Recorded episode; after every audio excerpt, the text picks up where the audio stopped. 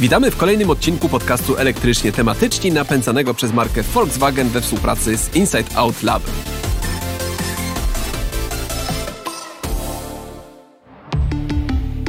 Jednym z najczęstszych problemów związanych z samochodami elektrycznymi jest nadal zbyt uboga infrastruktura ładowania. Myślę, że zgodzą się ze mną nie tylko przeciwnicy elektryków, ale także ich użytkownicy, że podróże w dalsze trasy, zwłaszcza w Polsce, nadal bywają kłopotliwe. Ładowarek jest wciąż za mało, coraz częściej są zajęte i zdarzają im się nadal awarie. Ale idzie ku lepszemu. Otóż Rada Unii Europejskiej przyjęła rozporządzenie, które wymusi na poszczególnych państwach członkowskich błyskawiczną rozbudowę infrastruktury ładowania, zwłaszcza wzdłuż autostrad i dróg szybkiego ruchu. O rozporządzeniu AFIR będę rozmawiał dzisiaj z moim gościem, którym jest Krzysztof Burda, prezes Stowarzyszenia Polska Izba Rozwoju Elektromobilności. Cześć Krzyszku. Cześć Paweł, dzień dobry wszystkim. Yy, Krzyszku, użyłem skrótu AFIR na początku. AFIR pochodzi od Alternative Fuel Infrastructure Regulation. Bardzo co- poważna nazwa. Bardzo poważna nazwa. O co chodzi właśnie z tą nazwą? O co chodzi z tą regulacją? No, Przede wszystkim e, to jest dokument unijny, który zobowiązuje wszystkie kraje członkowskie, aby właśnie budowały infrastrukturę ładowania dla pojazdów elektrycznych, ale również tankowania wodoru e, wzdłuż autostrad, wzdłuż e, dróg ekspresowych i kluczowym jest tu regulacja, dlatego że mm, właśnie regulacja sprawia to, że niemalże od razu, czyli od 14 kwietnia, zacznie obowiązywać we wszystkich krajach członkowskich. Nie będzie to przyjmowane jakby przez poszczególne kraje członkowskie, tylko już zaczyna obowiązywać wszystkich, aby wyrównać poziom infrastruktury w całej Europie. Czy tym się różni regulacja od dyrektywy? Tak? Że dyrektywa, gdyby była, to wtedy jest pełna swoboda, każdy sobie decyduje, czy, y, czy akceptuje te warunki, czy nie, a regulacja nie ma dyskusji. Dokładnie, nie ma żadnej dyskusji. Mieliśmy e, wcześniej dyrektywę, e, ale była już niestety trochę przestarzała technologicznie, bo pochodziła z roku 2014, a przeskok technologiczny od tamtego czasu mamy już e,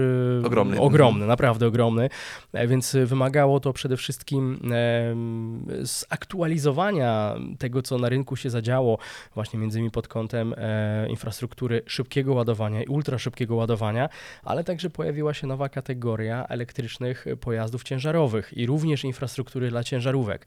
Więc y, jest to poniekąd trochę rewolucja, bo to jest kolejne potwierdzenie, że mm, idziemy w kierunku dekarbonizacji transportu, również w obszarze y, właśnie transportu Transportu ciężarowego. Mhm. Regulacja nazywa się regulacją dotyczącą y, paliw alternatywnych. O jakie tutaj paliwa alternatywne chodzi? Bo jak ja szukałem informacji na temat tej regulacji, to znalazłem informację, że tam oprócz tego, oprócz samochodów elektrycznych i samochodów wodorowych, znalazły się również samochody zasilane paliwem y, LPG albo CNG. Można by powiedzieć, że te paliwa wychodzą, tak? ponieważ były do tej Mhm. pory traktowane jako paliwa przejściowe w całym procesie dekarbonizacji. Na szczęście one powiedzmy są już y, na wyjściu e, i, i też sam AFIR mówi o tym, że mm, e, tej infrastruktury jest w Europie wystarczająco dużo i fokusujemy się właśnie tutaj na infrastrukturze dla pojazdów elektrycznych i wodorowych, więc no, to jest taka też y, ciekawostka, że rzeczywiście e, to otoczenie regulacyjne, które, które mamy, nakierowuje nas e, właśnie na elektryfikację i na, na to, żeby energia elektryczna, niezależnie czy ona pochodzi z baterii czy z wodoru, e, była jednak tym jedynym nośnikiem energii.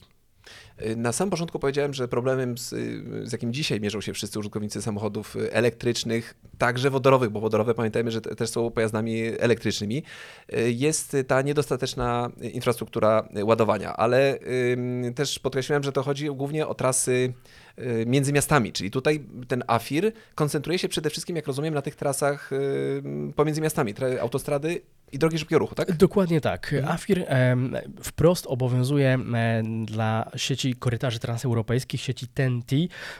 W tej sieci jest większość e, dróg ekspresowych, dróg właśnie autostrad e, i to właśnie dotyczą te regulacje głównie tych dróg oraz miast, które się znajdują powiedzmy jako węzły miejskie tak zwane no właśnie na, na tej sieci. Em, oczywiście możemy tutaj podzielić te sieci jakby na dwie kategorie. Sieci bazowe, czyli te, które już zostały wpisane, które już e, są tymi korytarzami w Europie oraz te, które e, uzupełniają. e, Są to, jest to sieć kompleksowa, która albo jest w budowie, albo już została zgłoszona jako gotowa i będzie niejako uzupełnieniem tej, tej sieci bazowej. Cel jest taki, aby przede wszystkim pokryć całą e, siatkę właśnie tych dróg e, infrastrukturą, taką samą we wszystkich krajach członkowskich i żeby zniwelować te różnice, które aktualnie mamy głównie pomiędzy Europą Zachodnią i Wschodnią, e, czy Europą Środkowo-Wschodnią, aby no, każdy miał takie same warunki do rozwoju i wdrażania pojazdów elektrycznych. A co to oznacza właśnie, że będzie rozbudowana ta sieć y, stacji ładowania wokół autostrad? Czyli jak, jak często one będą, ile ich będzie, jakie będą moce tych y, ładowarek, jak to wygląda? No, tu zaczynamy już trochę komplikować sytuację, dlatego że AFIR przewiduje co najmniej kilka takich e, punktów e, granicznych, gdzie, gdzie ta infrastruktura będzie się pojawiała i komplikuje też ten podział właśnie pomiędzy sieci bazowe, sieci e, komplementarne, ale też pomiędzy osobówki i ciężarówki. Więc jeśli tu już powiedzmy mamy w miarę jasność, to, to też możemy przejść do tego, że e, mamy takie graniczne daty i tutaj czasu na wdrożenie, czyli od roku e, 2024 do pierwszych wymogów, które musimy spełnić na koniec grudnia e, 2025 jest ekstremalnie mało. W obszarze pojazdów osobowych e, będą musiały być co 60 km stworzone huby ładowania o łącznej mocy 400 kW, gdzie znajdziemy co najmniej jeden punkt 150 kW.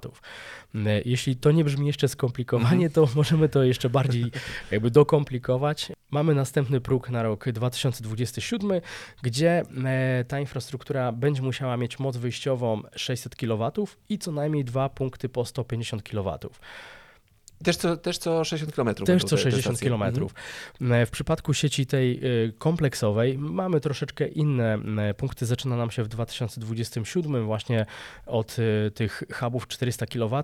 e, Kończymy na 2030 z hubami 600 kW. Mhm.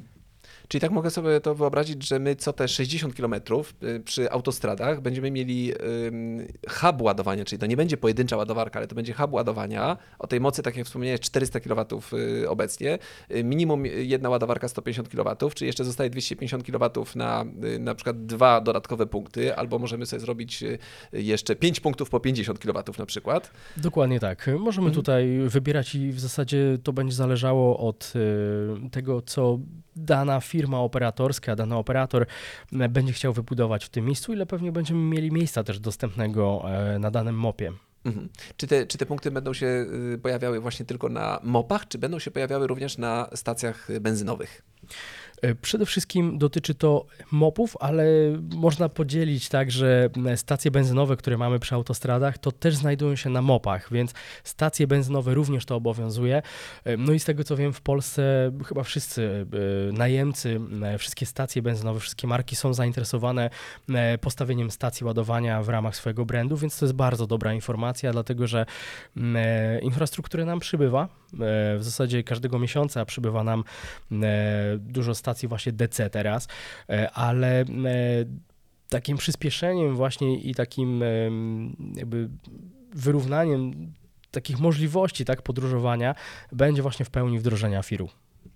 Ja myślę, że to jest w ogóle rewolucyjna y, informacja dla wszystkich y, użytkowników samochodów elektrycznych i wszystkich, którzy przymierzają właśnie do tych elektryków, y, bo mm, z tego, co, co mówisz, do końca 2025 teoretycznie powinniśmy spełniać te warunki AFIR-u, czyli będziemy mieć nie dalej, nie rzadziej niż 160 km takie huby ładowania, a jeżeli jeszcze wspomniałeś, że operatorzy stacji benzynowych również będą instalowali, bo rzeczywiście jest to w ich interesie, ponieważ to, to nawet marketingowo dla nich dobrze brzmi, jeżeli powiedzą, że u nas na stacjach benzynowych y, takie y, stacje ładowania również będą zainstalowane, więc my będziemy mogli zaraz wkrótce podróżować tym samochodem elektrycznym zupełnie swobodnie i nie, nie sprawdzać już, nie planować trasy, tak jak to robiliśmy dotychczas, czy jak nadal to robimy, tylko po prostu wsiadamy w tego elektryka, jedziemy i wiemy, że na pewno najdalej za 60 km będzie y, stacja ładowania.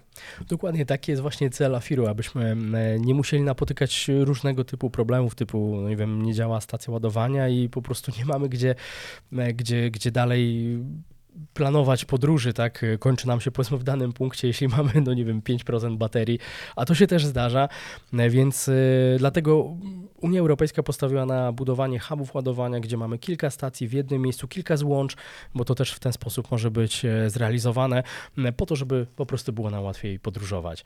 Ale tu też taka ciekawostka, bo AFIR, tak jak y, mówiłem już wcześniej, e, dotyczy też ciężarówek. Mhm. I tu mamy kompletną rewolucję, ponieważ y, tak jak do tej pory już były stacje ładowania dedykowane samochodom osobowym e, i te możemy spotkać czy to na mopach o mniejszej e, mocy, same stacje, czy też już na stacjach benzynowych. E, Tak infrastruktury takiej ogólnodostępnej e, dla samochodów ciężarowych jeszcze nie ma. E, I tu mamy kompletną rewolucję. AFIR wprowadza to, aby również firmy transportowe mogły zacząć przechodzić na e, właśnie ciężarówki elektryczne, bo ma powstać dedykowana infrastruktura e, tym, e, tym ciężarówkom. I ona podobnie jak elektryki, jak samochody osobowe e, ma swoje wytyczne. Tutaj tak samo mamy po- podział na progi, poszczególne lata i na przykład w roku 2025 15% całej sieci TNT musi być pokryte infrastrukturą. Taki hub ma mieć co najmniej em, 1,4 MW, czyli 1400 kW Na jeden hub. na jeden hub i Mhm. musimy znaleźć tam co najmniej jeden punkt o mocy 350 kW. Ale im dalej, tym robi się ciekawiej, dlatego że mamy następny próg e, 2027 i 50% dla sieci bazowej już musi mieć pokrycie w infrastrukturze ładowania, a w roku 2030 e, odległość na sieci bazowej e, będzie maksymalnie wynosiła 60 km, a cała, cały hub ładowania będzie miał 3,6 MW, czyli 3600 kW i co najmniej dwa punkty o łącznej, e, o mocy wyjściowej 350 kW. Jeśli dodamy jeszcze do tego sieć e, komplementarną, gdzie powiedzmy już docelowo tylko powiem o roku 2030 mamy co 100 km, e, 1,5 MW w hubie ładowania i co najmniej jeden punkt 350 kW. Dodatkowo AFIR jeszcze przewiduje, że będą powstawały tak zwane bezpieczne parkingi, gdzie również będzie infrastruktura przeznaczona do ładowania nocnego, a także infrastruktura ładowania w tak zwanych węzłach miejskich, czyli właśnie miastach, które znajdują się e, na sieci TNT e, i według nas głównie tutaj rolę będą odgrywały centra logistyczne, które mm, są na obrzeżach miast, które mają duże też parkingi e, i to tam właśnie będzie prawdopodobnie powstawała infrastruktura ładowania e, dla ciężarówek. Y, Tam będą stacje też DC, czyli szybkie, czy już y, Y, ładowarki AC? To będą też stacje DC, tylko o trochę niższej mocy, bo tam będziemy mówili o mocach e, 100 kW. e, 50 e, nawet, nawet czy, to, czy na takich małych, niskich wartościach nie mówimy? To znaczy takie minimum, aby naładować sobie spokojnie ciężarówkę przez noc Mhm. i żeby ruszyć rano, to jest te 100-150 kW, w zależności od tego, jaką mamy baterię. Niemniej e, również widzieliśmy takie projekty, e, gdzie ciężarówki były ładowane tylko przez e, stację AC, Mhm. ale to na bardzo krótkich dystansach, czyli na przykład od e, magazynu do fabryki Mhm. na dystansie kilku, kilkunastu kilometrów, gdzie podczas załadunku i rozładunku są ładowane, ale tu AFIR ma sprawić to, żeby były te warunki, żeby dość szybko doładować, e, w zależności od tego, czy jesteśmy na mopie, czy jesteśmy właśnie w takim, na, na terenie bezpiecznego parkingu, czy też centrum na przykład logistycznego. Czy te huby y, do ładowania samochodów ciężarowych to będą inne huby niż do ładowania samochodów osobowych? To znaczy ładowarki jako sama infrastruktura No to jest- e, w zasadzie... To, to jest to samo, tak? tak, No właśnie, w tak zasadzie sobie wyobrażam, że tak skoro samo. dla tych ciężarówek y, będziemy mieli takie mocne y, huby 1400 kW, to dlaczego ja miałbym moją osobówką jechać na ten mały hub 400 kW? Ja bym sobie pojadę na ten 1400. E, Jest tylko jedna drobna różnica, dlatego że ciężarówki zwykle m, w trasach jeżdżą e, nie tylko jako pojedyncze e, ciężarówki powiedzmy około 29 ton, tylko duże składy 40-tonowe z naczepą i miejsce. Jest potrzebne nam miejsce. E, Na ten moment jeszcze oczywiście wyzwaniem jest położenie gniazda ładowania, ponieważ producenci jeszcze stosują e, gniazdo ładowania w różnych miejscach i po prostu nasza wtyczka z stacji ładowania musi mieć możliwość tego, tego manewru. Plus właśnie samo miejsce postojowe na czas ładowania, no też musimy mieć odpowiednie wymiary, plus to, żeby ta ciężarówka wjeżdżając i wyjeżdżając miała odpowiednie pole do manewru.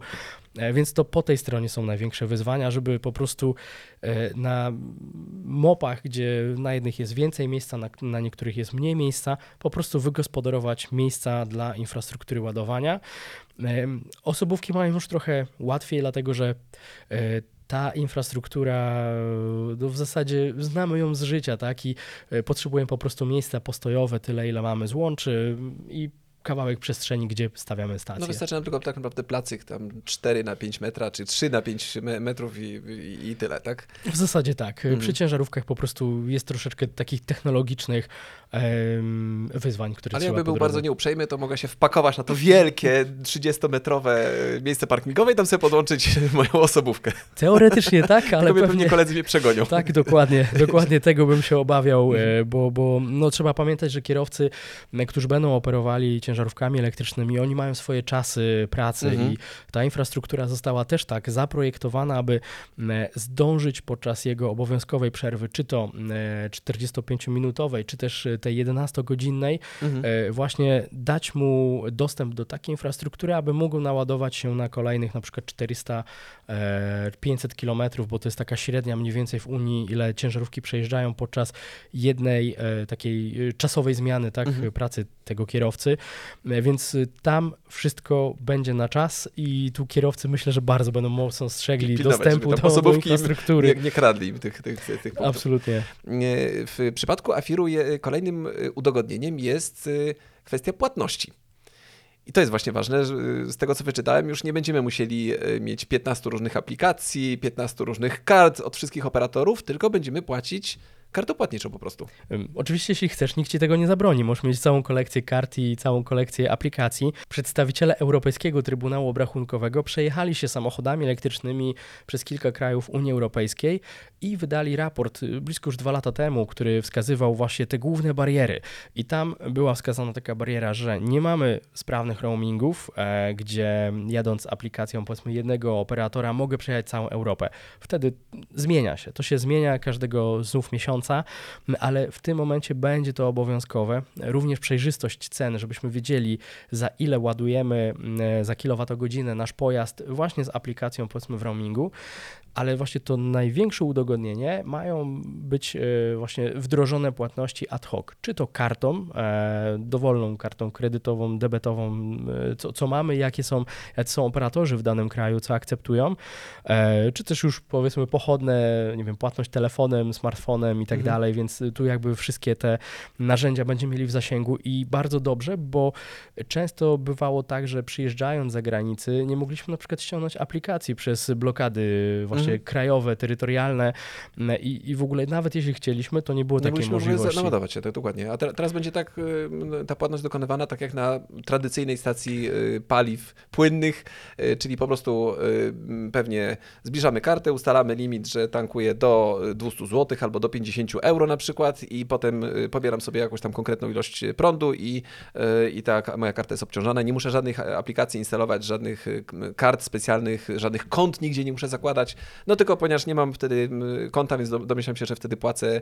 y, na przykład w Polsce tam te 3 zł za kilowatogodzinę, a nie, nie mam jakichś tam preferencyjnych stawek typu 2,20. Y, Wtedy po prostu płacimy cenę taką y, cennikową, nazwijmy to, w momencie przyjeżdża, przy, przyjechania, tak, i cenę zastaną taką, jaką mamy. To jest dokładnie taki sam mechanizm jak na stacjach benzynowych. E, Widzimy, jaka jest cena e, w danej chwili i Mm. po prostu albo się godzimy, albo szukamy dalej. No i super, to będzie w ogóle ogromne udogodnienie rzeczywiście ta, ta możliwość płacenia tymi, tam, tymi kartami, ale mnie się, ja się zastanawiam, kto za to wszystko zapłaci? Kto zapłaci za rozbudowę tej infrastruktury, za budowę tych stacji ładowania? Rozmawialiśmy y, kiedyś z prezesem Greenway, który powiedział, że, y, czyli z Rafałem Czyżewskim, y, który powiedział, że koszt jednej stacji ładowania DC to jest od 150 tysięcy złotych w górę. Więc jeżeli tacy operatorzy stacji paliw będą musieli za, zainstalować takie y, ładowarki, y, licząc, że tam nawet kilka takich stacji musi stanąć, no to, jest, to się już robi koszt kilkaset tysięcy złotych na jeden hub. Kilkaset tysięcy złotych. Jeżeli tam będzie miało być więcej takich ładowarek, to może być już koszt na poziomie miliona złotych. Więc kto za to zapłaci? Czy to państwo się tutaj dorzuci, czy, y, czy tacy operatorzy stacji będą musieli pokryć takie koszty z własnej kieszeni? No, przede wszystkim dotknąłeś e, chyba tutaj clue tego, że to właśnie operatorzy stacji ładowania będą wykładali swój capex na to, aby w ogóle te stacje powstały. E, Niezależnie, czy to będzie powiedzmy operator typu Greenway, e, który jakby stawia tylko infrastrukturę ładowania, czy po drugiej stronie, nie wiem, Orlen BP, którzy e, mają swoje stacje benzynowe, ale też stacje ładowania powiedzmy pod własnym brandem.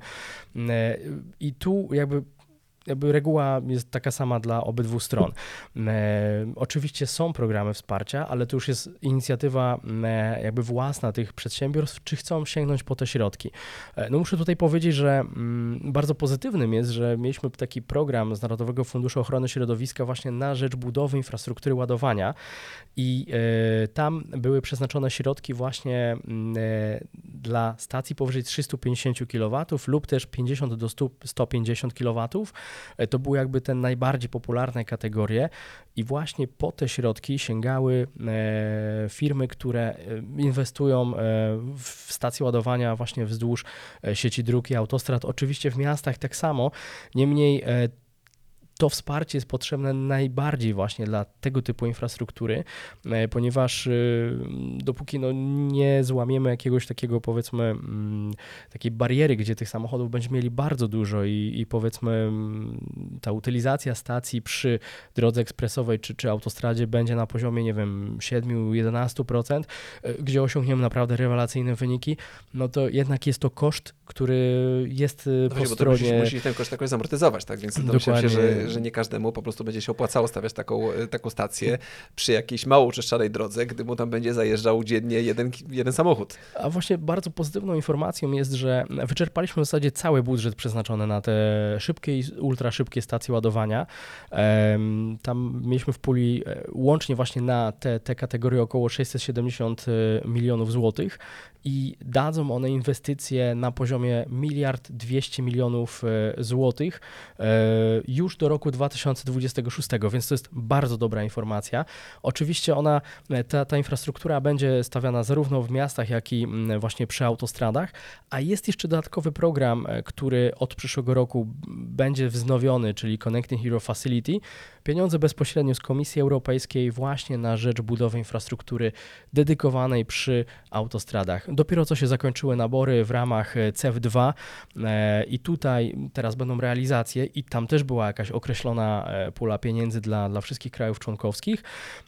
Będzie następny program, z tego co słyszeliśmy już zapowiedzi i no myślę, że możliwości jest dużo, tylko to już kwestia sięgnięcia po te środki właśnie przez, przez firmy, przez operatorów. A na ile my jako Polska jesteśmy w ogóle gotowi na wdrożenie tego AFIR, bo patrząc na stan obecny i na ten docelowy, który ma być już za półtora roku tak naprawdę, czy za, za dwa lata yy, gotowy, to wydaje się, że czasu mamy bardzo mało i czy my się wyrobimy i yy, no, czy jesteśmy przygotowani na to, żeby ten AFIR wdrożyć w życie.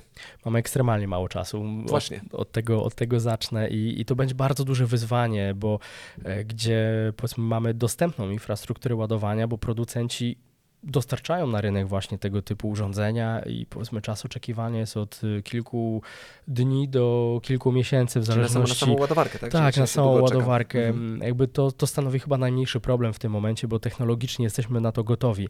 Problemem zaczynają być przyłącza. I No to infrastruktura. bardzo dużym problemem, dlatego że mm, e, zwykle mopy, jak sobie możemy wyobrazić, są po szczerym środku polu, tak. niczego, tak, w szczerym polu E, i daleko mamy niestety do najbliższych punktów zasilania, tak zwanych GPZ-ów. E, To wszystko w tym momencie będzie rozbudowywane.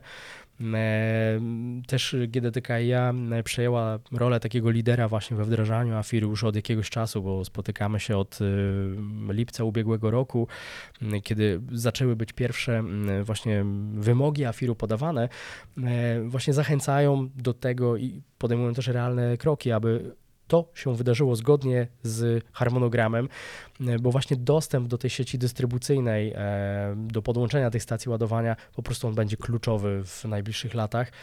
E, Przede wszystkim dlatego, że to też są ogromne koszty. Trzeba planować to z wyprzedzeniem. E, No i trzy, ktoś te koszty również musi ponieść. Na szczęście mamy tu dla operatorów e, sieci dystrybucyjnych również program dedykowany właśnie na przyłącza dla infrastruktury. E, W puli jest miliard złotych, tylko znów trzeba sięgnąć po te środki i rozplanować je no, w sposób racjonalny. Mhm.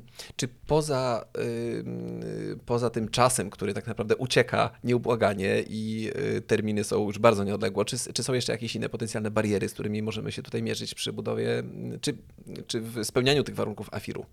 W zasadzie już o jednej wspomnieliśmy, czyli o opłacalności ekonomicznej, bo mhm. no tak. operatorzy muszą być przekonani, że inwestując w dany punkt, i jest to nietania inwestycja, e, będą mieli przychody, bo nie ma nic gorszego niż postawienie stacji ładowania, tylko żeby była, prawda? I, z której nie będzie korzystał. Dokładnie, a tutaj raz, y, no ilość samochodów elektrycznych stale się zwiększa. Za chwilę przekroczymy barierę 50 tysięcy sztuk, więc to już jest jakaś baza, na której można powiedzmy robić e, szersze szacunki. Wiemy mniej więcej, jak rynek będzie się rozwijał e, w najbliższych latach, więc myślę, że tutaj dla mm, osobówek e, będą w stanie dość łatwo sobie wyliczyć, które lokalizacje mogą być rzeczywiście najbardziej atrakcyjne. Ale schody zaczynają się przy ciężarówkach, ponieważ w tym momencie ciężarówki wdrażane są właśnie w takich projektach z punktu A do punktu B, zazwyczaj w wahadłach, z centrum logistycznego do drugiego centrum, do fabryki, aby po prostu miały zamknięte pętle, gdzie możemy naładować w tym i w tym miejscu, ewentualnie na bazie.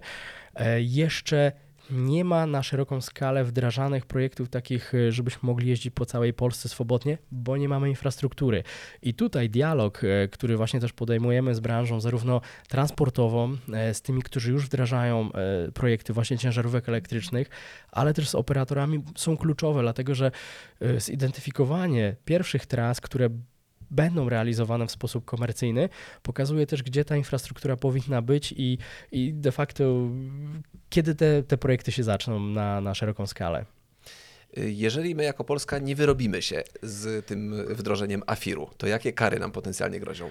Zresztą może nie będę przytaczał kwot, bo ich po prostu nie znam, ale e, samo widmo kar nie jest zachęcające, no więc, e, więc y, myślę, że, że lepiej po prostu nie doprowadzić do tego momentu, tylko starać się o to, aby ta infrastruktura e, powstawała, dlatego że znów trzeba pamiętać, że za takim podejściem powiedzmy samochód czy ciężarówka, infrastruktura ładowania, sieć elektroenergetyczna, energetyczna, kryje się przeogromna branża, ponieważ w Polsce mamy i bardzo dobrą branżę bateryjną, e, produkcji również pojazdów, e, szczególnie busów, e, infrastruktury ładowania, autobusów i mm, mamy powiedzmy bardzo dużą gospodarkę za tym, co w zasadzie takie inwestycje napędzają również to, że, że w gospodarce jest coraz lepiej, jeśli chodzi o branżę elektromobilności. Czyli jesteśmy tak naprawdę chętni, żeby wręcz rozwijać taką infrastrukturę jako, jako, jako Polska i też to, co wspomniałeś, y, autobusy, my też przecież produkujemy autobusy elektryczne, więc y, w, po, w interesie Polski jest to, żeby rzeczywiście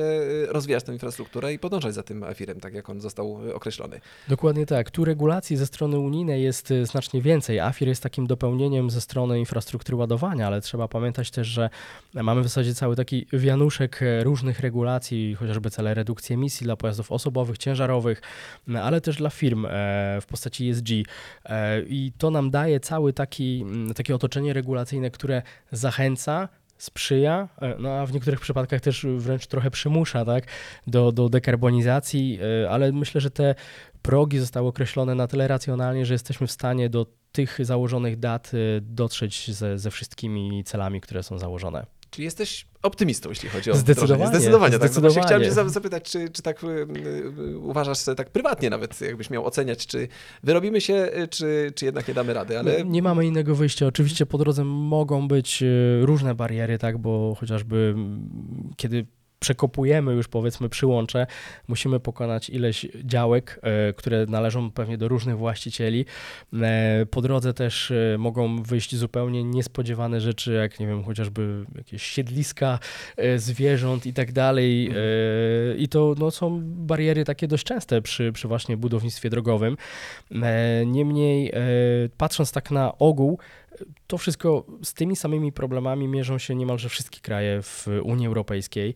E, w niektórych przypadkach jest łatwiej, w niektórych trudniej. E, najgorszym będzie zwlekanie i niepodchodzenie do tematu. I wtedy mój optymizm na pewno zgaśnie, ale w tym momencie, kiedy jeszcze mamy trochę, e, trochę czasu i rzeczywiście mm, zaangażowane strony robią już e, różne działania w tym kierunku, żeby, e, żeby zdążyć, to, to wydaje się, że, że będziemy w stanie osiągnąć te cele, no ale to nie wolno czekać. No, trze- ani, trzeba, ani minuty. Trzeba działać już teraz. Tak, trzeba działać już teraz. tak. A teraz natomiast jest to, myślę, bardzo pozytywna informacja dla wszystkich, y, którzy już jeżdżą samochodami elektrycznymi i tymi, którzy i dla tych, którzy przymierzają się do zakupu takiego samochodu elektrycznego, bo y, to oznacza, że w optymistycznym y, warunku, a być może nawet realistycznym, w realistycznej sytuacji, my za dwa lata już będziemy zupełnie swobodnie takimi samochodami jeździć. Już nie będziemy musieli ani z Plugshara, ani z y, y, z drugiej aplikacji zapomniałem, a Alternative y, Trail Tak. Road Planner, mhm. tak, y, korzystać, żeby sobie zaplanować taką, taką trasę, tylko po prostu będziemy wsiadali w nasz pojazd i będziemy jechali sobie do y, sąsiedniego miasta, czy nawet nie sąsiedniego miasta, na drugi koniec Polski i będziemy mieli zawsze po drodze te ładowarki, a zwłaszcza jak wyjedziemy gdzieś w teren Unii Europejskiej, to zawsze będziemy mieć gdzie, gdzie naładować, ponieważ rozporządzenie e, a nie dyrektywa y, wymusza takie warunki na wszystkich krajach y, Unii Europejskiej, nie tylko i wyłącznie na jakichś wybranych. Nie mogą się jakieś kraje tutaj wykruszyć, tylko wszyscy będą musieli się do tych warunków dostosować i te warunki, o których powiedziałeś, będą obowią- obowiązywały wszystkich i wszystkie kraje Unii Europejskiej. Więc to jest, myślę, bardzo taka pozytywna informacja i mam nadzieję, że nasi słuchacze i nasi widzowie też się ucieszą z tego, ponieważ jak ja z tobą rozmawiałem i od ciebie po raz pierwszy usłyszałem o tym afirze, bo jakoś mi tam wcześniej przeszedł y, koło ucha, e, to dla mnie to było y, mega pozytywne zaskoczenie, że tego typu rozporządzenie właśnie jest i jakie będą jego docelowe skutki, że ta jazda w trasę tym elektrykiem będzie rzeczywiście bardzo wygodna. E, Krzyszku, bardzo Ci dziękuję za, za to Dziękuję również. podzielenie się informacjami na temat y, AFIR. E, Oczywiście naszych y, widzów i naszych słuchaczy standardowo zachęcam do subskrypcji podcastu Elektrycznie Tematyczni. Przypominam, że można nas znaleźć na YouTubie, na Spotify, Apple Podcast, Google Podcast. Wszędzie nas możecie znaleźć, tam możecie słuchać naszego podcastu i oczywiście bardzo serdecznie Was zapraszam do tego, żebyście słuchali nas regularnie i słuchali naszego kolejnego odcinka. Dzięki jeszcze raz, Dziękuję bardzo. do usłyszenia.